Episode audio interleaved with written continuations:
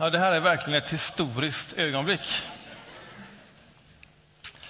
Vad var det han sa, Neil Armstrong? Ett litet steg för människan, men ett stort steg för mänskligheten. Så känner man. Sist vi stod så här inför församlingen, eh, tror jag, det var när vi gifte oss. Och det gick ju bra. Trots att jag då var magsjuk och kräkfärdig under hela vigseln. Och pastorn hade en påse i fickan ifall om att. Men det funkar det också.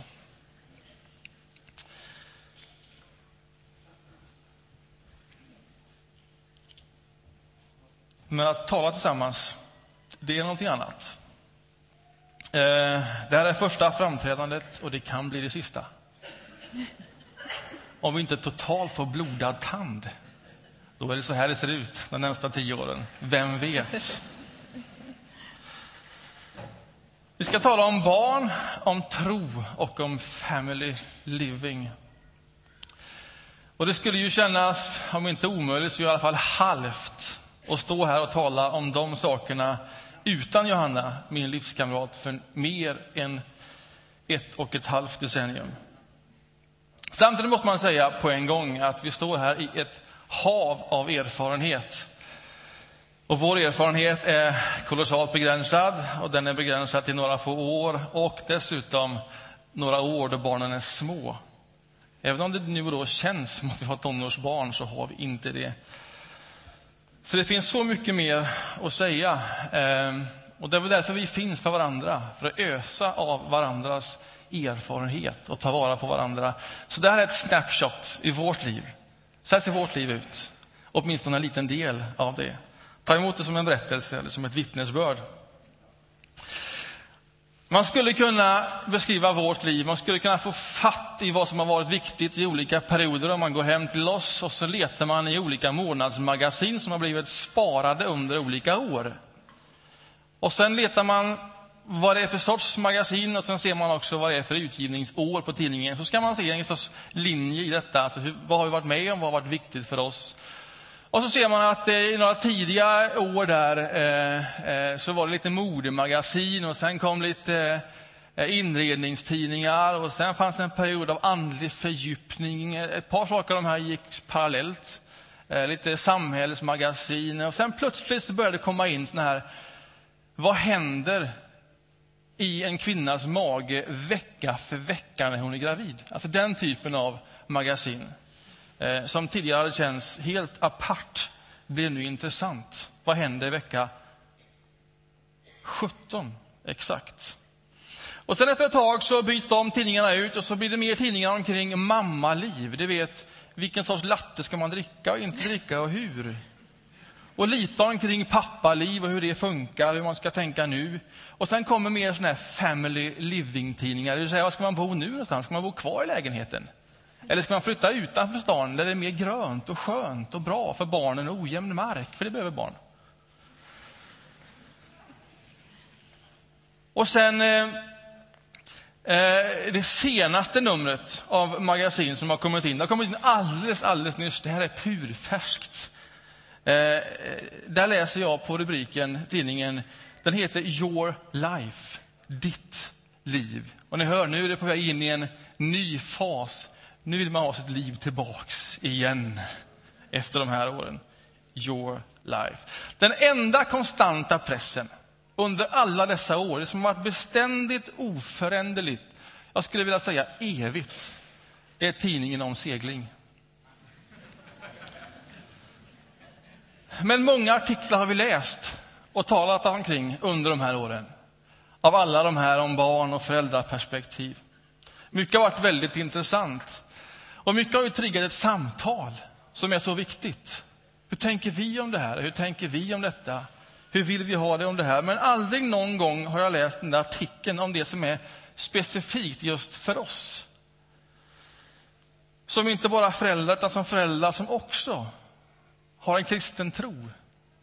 Vad har tron för plats i familjeliv och pappaliv och föräldraliv och family living och your life?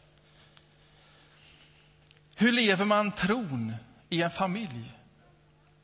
Och hur förmedlas tron vidare? Det där blir en stor fråga när barnen börjar bli lite äldre? Och kan man förmedla tro vidare till en ny generation? Jag skulle önska att du ser det här som början till en sån artikel, ett embryo till en sån artikel där vi ger något av många viktiga perspektiv.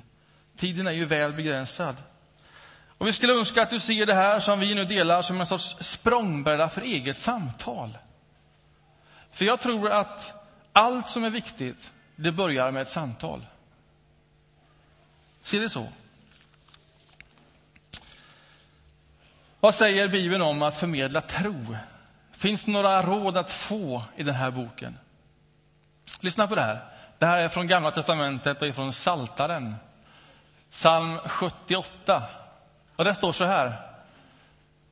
Han gav sina bud åt Jakob, stiftade en lag åt Israel där han befallde våra fäder att undervisa sina barn så att det blev känt för kommande släkten.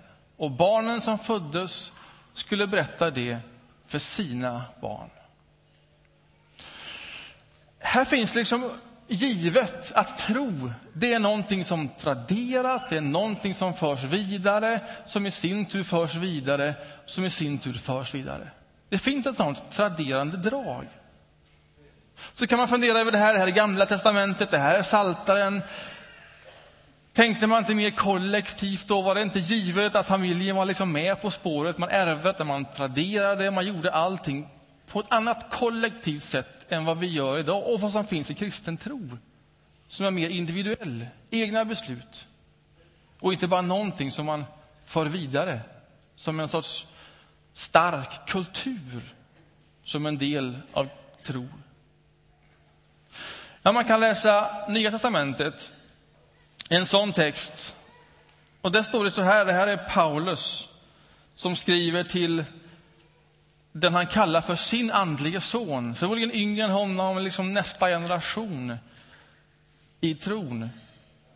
Och då skriver han i Andra Timoteusbrevet kapitel 2 och vers 2 så här. Det du har hört av mig i många vittnes närvaro, det ska du anförtro åt pålitliga människor som kan lära ut det i sin tur. Det här kan man förstå som att ja, men nog finns det ett traderande drag.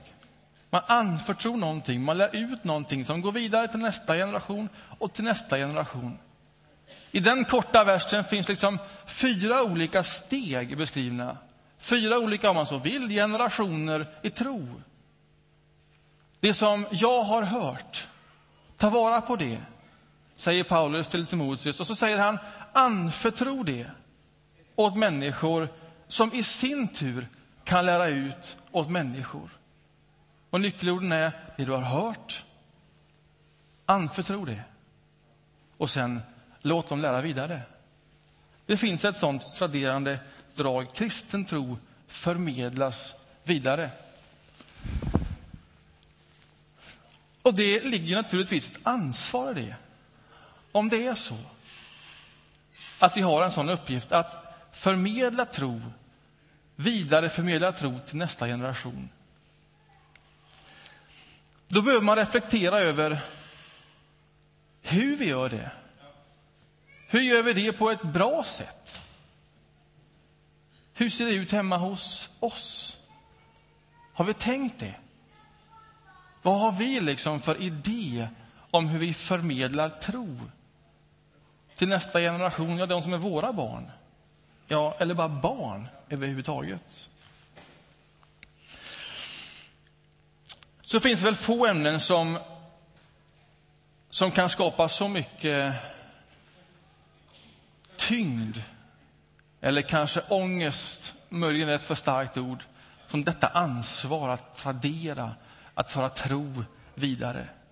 För det där går ju inte alltid som man önskar, ber och tänker sig, kanske. Och jag vill inte ta udden av ansvaret, för det finns ett mått av ansvar, men jag vill inte att detta ska bli en, en tung bär, börda för någon att bära. För jag tror inte det är så. Eh, och därför är det så viktigt för mig att få säga detta tydligt så att du hör detta. Tro är inte bara någonting som lärs ut och traderas som om allting hänger på den som anförtror. Tron är först och sist en gåva. Hör du det tydligt? Tron är först och sist en gåva. Tron är ett mysterium. Tro är resultat av vad Gud gör i en människas liv. Tro är inte bara hur man lyckas tradera, hur man lyckas anförtro. Ta inte lätt på ansvaret, men tro inte för mycket om dig själv. Tro är först och sist en gåva, ett mysterium. Vilket gör att man kan aldrig bara säga enkelt, gör si eller gör så. Nej, ingen ska kunna berömma sig, säger Paulus. Lyssna på det här ordet av honom ifrån Efesierbrevet. Av nåd är vi frälsta genom tron, inte av oss själva. Guds gåva är det. Det beror inte på gärningar. Ingen kan berömma sig. Alltså Det går inte enkelt att säga gör si, gör så. Det är ingen ekvation att lösa. Tro är en gåva, ett mysterium. Och Det behöver man också ha respekt för. Och Därför är det så viktigt att man för ett samtal.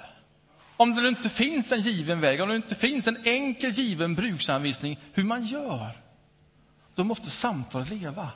Och det vi vinner erfarenhet av varann. Då måste vi samtala i familj. Hur tänker vi om det här?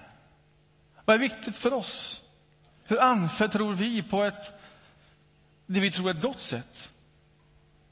Och hur gör vi i, familj, i församlingen?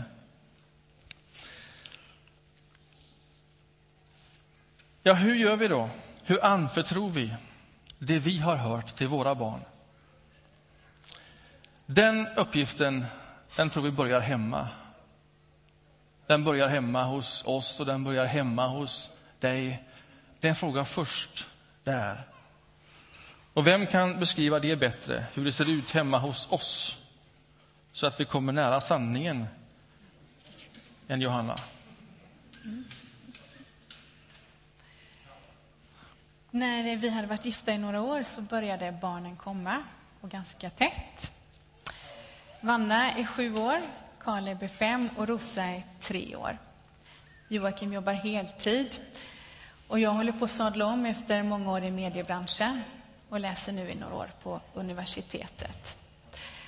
Och det är verkligen ganska fullt upp hemma hos oss på veckorna.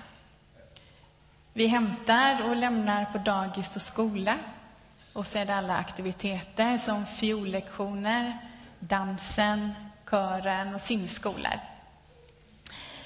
Så hur får tron med barnen plats i en sån vecka? Och det här tillfället i Saron idag har fått oss att tänka igenom hur det är hemma hos oss. För ibland gör man ju saker utan att tänka efter vad det är egentligen man gör. Och förberedelsen inför idag har varit en hjälp för mig att tänka igenom vad det är vi gör eller inte gör.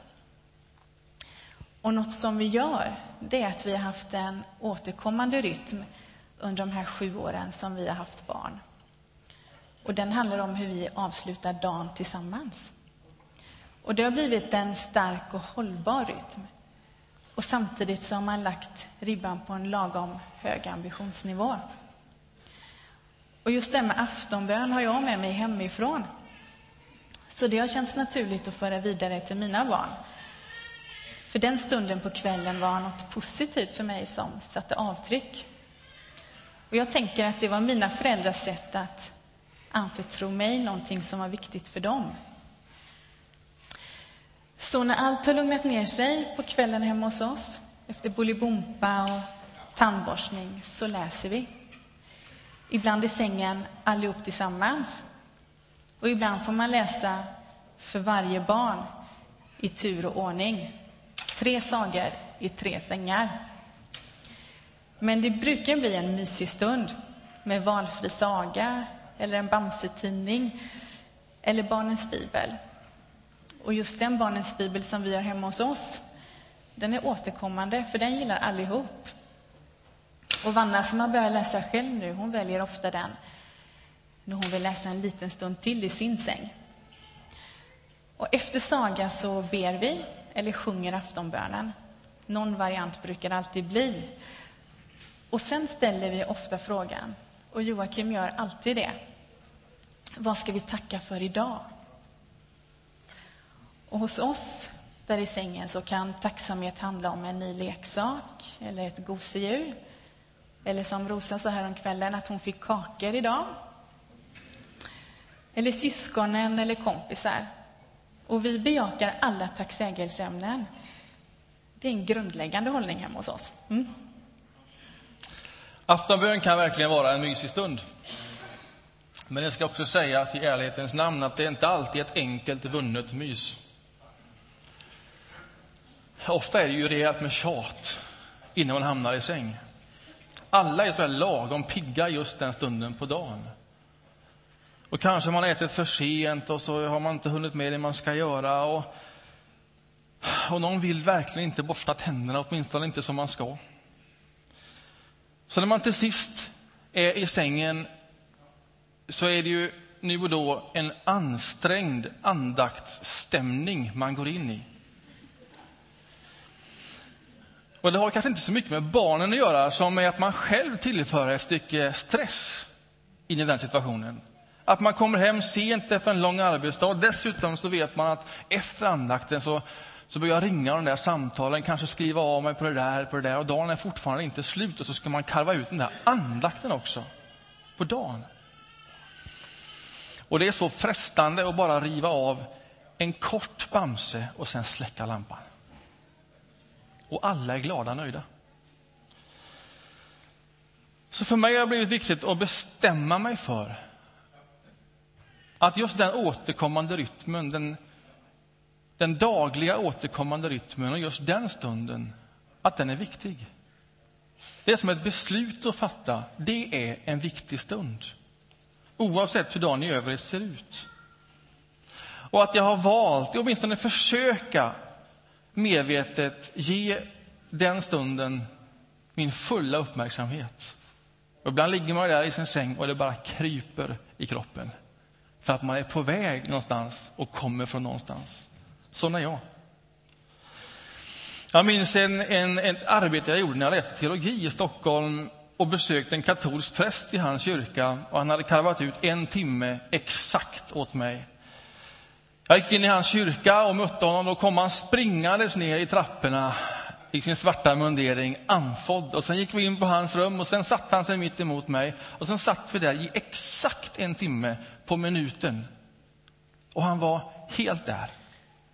På ett sätt som var nästan märkligt. Han var fullständigt närvarande och helt där och gav mig hela sin uppmärksamhet och respekt. Och det var ett aktivt lyssnande som är sällsynt. Och sen på pricken efter en timme så reser han sig upp och så säger han, nu måste jag gå vidare. Och sen springer han därifrån lika snabbt som han sprang dit, upp för trappan i sin svarta mundering. Och jag gick ut därifrån. Och jag minns det fortfarande efter lång tid. Hur den totala närvaron i den utkarvade tiden satte spår. Positiva spår. Därför tror jag man behöver bestämma sig för sin egen rytm och att det här är en viktig stund. Kanske är det här den viktigaste stunden på dagen.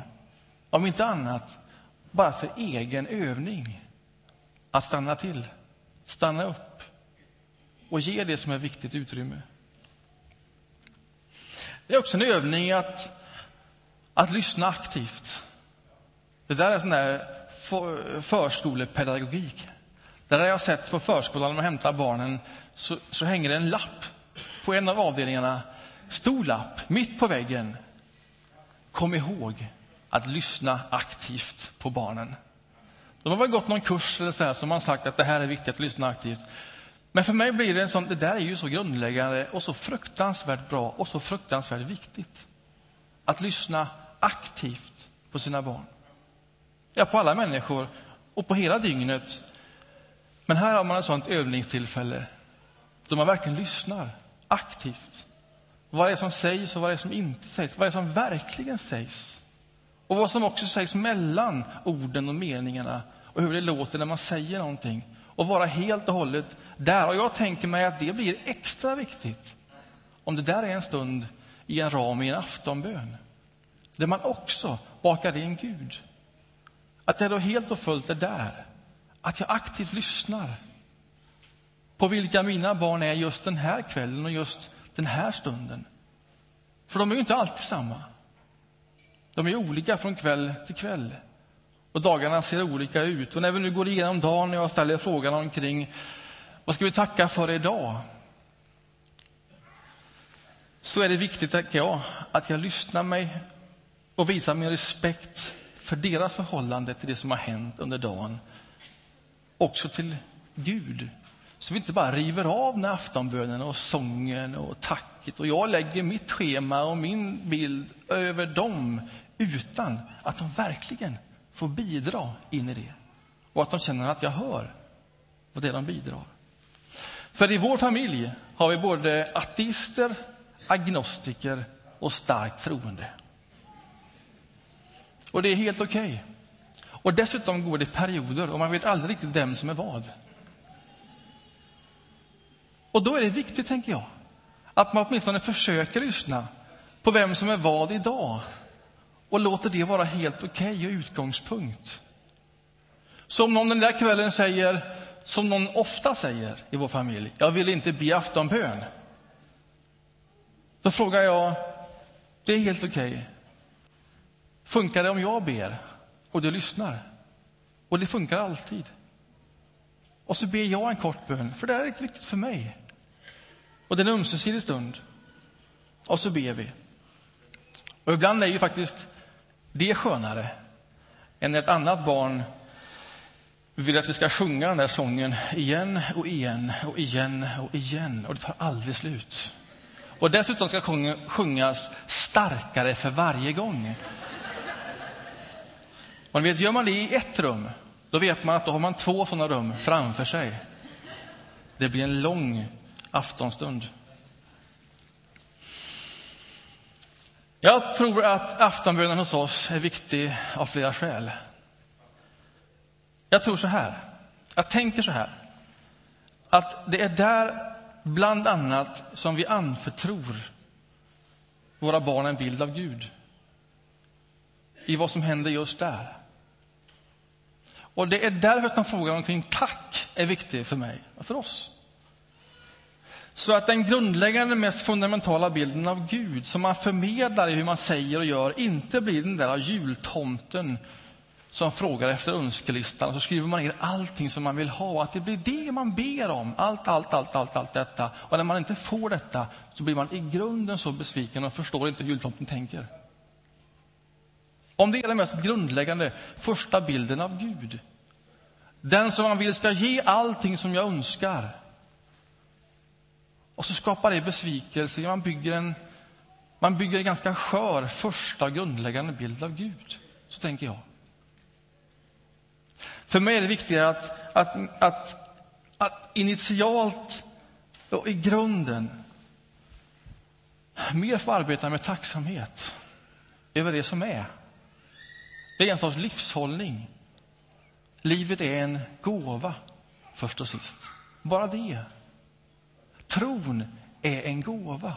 Oavsett hur livet blev eller ser ut så är det en gåva och tron är en gåva. Och den bilden av Gud, det vill jag förmedla.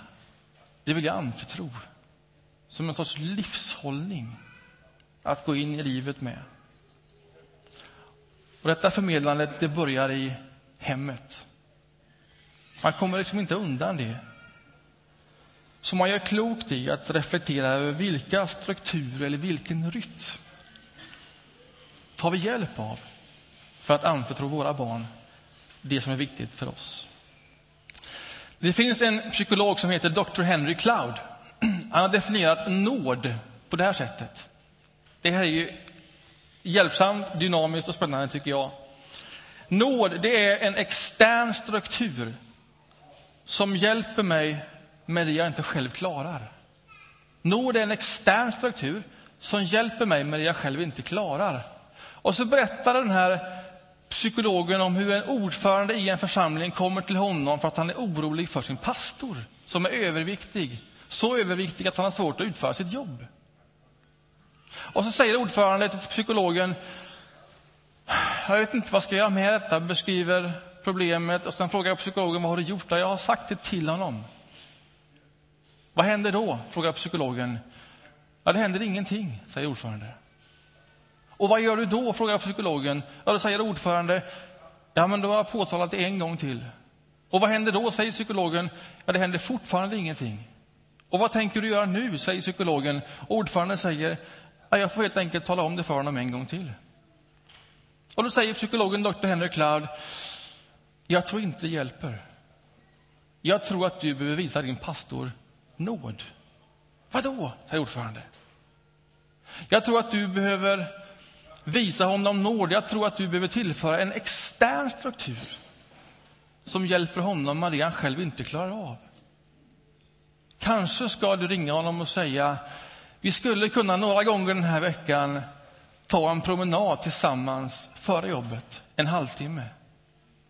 Och så blir du nåd, en extern struktur som hjälper din pastor att klara det man själv inte klarar av. Jag tror du behöver visa din pastor nåd.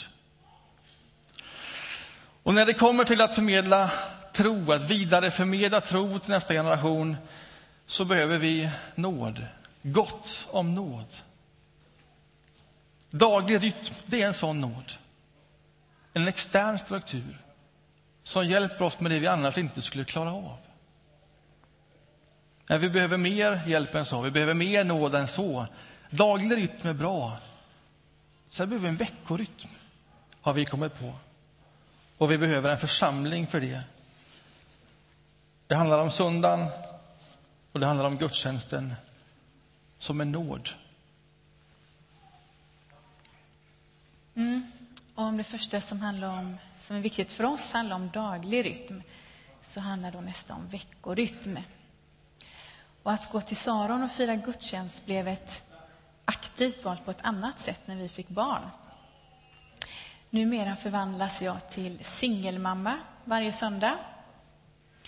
Även om Joakim och jag har en gemensam hållning att på söndagar så vill vi fira gudstjänst så är det jag som fattar det aktiva beslutet inför varje söndag.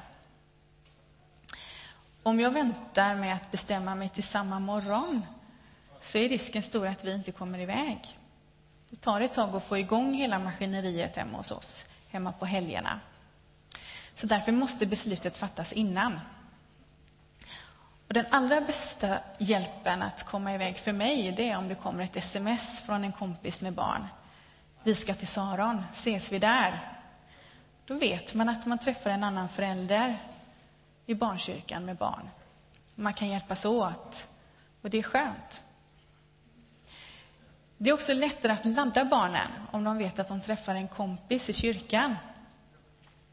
Våra barn är lite äldre nu och jag märker att relationer blir allt viktigare. Nu kan frågor komma på morgonen när jag talar om att idag är det söndag och vi ska åka till Saron. Jag vet inte alltid vilken dag det är på morgonen. Träffar vi kompisar där? Finns det en kompis där? Så relationer blir allt viktigare när vi laddar för att åka till kyrkan. Och relationer är inte bara de man känner väl. Jag blev så glad här om söndagen när vi kom instressande till kyrkan. Och en av de stora killarna hälsade på Kaleb med hans namn. De ses bara på söndagar. Och att bli igenkänd av en stor kille är väldigt stort för honom. Och som mamma så ser jag hur han sträcker lite på sig. Och då blir det en bra söndag också för mig. Men vi har såklart haft perioder när de absolut inte vill gå. Och hur gör man då? Det är jättejobbigt att ensam på morgonen motivera ett barn som absolut inte vill gå till Saron. Och då har min husgrupp varit en jättestor hjälp för mig. För där har vi kunnat prata om det och hjälpas åt praktiskt. Vi kan säga till varandra att ja, men vi går på söndag. Vi bestämmer att vi ses där, att vi träffas med barnen. Vi hjälps åt så att de får lära känna varandra, får möjlighet att bli kompisar. Eller så hjälps man gemensamt åt. Att de får komma iväg på en aktivitet i kyrkan där de lär känna varandra. Men allt relationsskapande kan ju inte hända på en söndag eller genom aktiviteter i kyrkan. Och I vår församling så bor vi så utspritt och vi möts inte på vardagen. Då blir det dubbelt viktigt att vi bjuder hem varandra i våra hem, har jag upptäckt. Så för mig är det viktigt att de har kompisar här i kyrkan, men det är också viktigt att de har roligt. Och just nu så går två av våra barn på samlingen i barnkyrkan och ett barn spelar pingis hela tiden när de är här. Men de är här och de har haft roligt varje söndag under den här hösten som vi har varit här. Så även om det tar emot ibland att åka iväg hela gänget så har vi nog aldrig ångrat oss när vi åker hem i bilen att vi gjorde det. Att vi tillbringade två och en halv timme av vår tid att fira gudstjänst i Saron på vårt sätt i den här delen av livet. Nåd är en extern struktur, någonting som kommer utifrån, som hjälper oss att göra det vi inte annars klarar, men som vi vill och som vi vet hur vi ska få till. För oss är den dagliga rytmen en sån nåd. Att vi tillsammans har bestämt hur vi slutar en dag och att vi hjälps åt med det. Också veckorytmen, att fira gudstjänst på veckobas, det är en sån extern struktur. Men så hjälper det ju inte bara med sådana saker. För att det ska till, för att det ska fungera, säger som Johanna säger, då behövs det människor. Då behövs det att man tillsammans fattar den typen av beslut. Och att man hjälper varandra i det och stödjer varandra i den typen av beslut. Vi är varandras nåd. Vi är varandras externa strukturer som stödjer och som hjälper och som gör det möjligt. Det är helt avgörande. Därför skulle jag önska att vi verkligen fick, fick igång ett samtal, om man nu finns i en liknande situation i livet, om hur man tänker omkring hur vi anförtror en ny generation tro. Att det fick bli gemensamma beslut. Åtminstone det om, om veckorytm. Och här måste jag säga några korta ord bara om kontinuitet. Att välja det gemensamt och att faktiskt välja det vecka för vecka för vecka, så långt det nu är möjligt. Ett veckorytm, det är beslut som vi behöver fatta gemensamt. För om man ska vara krass så hjälper det inte någon familj eller ett par familjer om man väljer veckorytm och är här som en god rytm, som ett försök, som en vilja att anförtro det som är viktigt om alla andra kommer någon gång nu och då. Då blir det likväl en svår social situation för de familjer som väljer det som sin rytm. Och därför är det så viktigt att man fattar gemensamma beslut. Vad är en rimlig, hållbar, slitstark rytm? För att skapa de möjligheter, de förutsättningar som behövs för att nästa generation också ska få fatt i det som är så viktigt, i det som är tro på Jesus Kristus och i församlingen som ett fantastiskt uttryck. Ja, då, man, då behöver man fatta den typen av gemensamma beslut. Ja, men vi firar gudstjänst tillsammans och vi gör det på veckobas, så långt det nu är möjligt. Och då vet man när man kommer hit att det är någon här. Man får ett sms på vägen, man kommunicerar under veckan och det blir en annan upplevelse, ja, det blir möjligt. Det skulle vara omöjligt att hantera förskola eller skola på ett sätt utan kontinuitet. Att man kom dit någon gång nu och då och att man aldrig riktigt visste vem man mötte där. Då skulle skolan vara en väldigt svår miljö. Inte bara för lärarna, utan framförallt för barnen. Full av otrygghet och... Ja, det skulle inte fungera.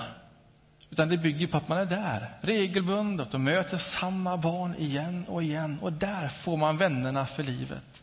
Så långt det nu är möjligt så får jag uppmuntra till att föra ett samtal och fatta gemensamma beslut om hur en hållbar, slitstark rytm ser ut. Och att vi blir varandras stöd in i det. Det är ett sätt att visa varandra nåd. Och är det något vi behöver så är det nåd. Gott om nåd. Amen. Får jag förena oss i en bön?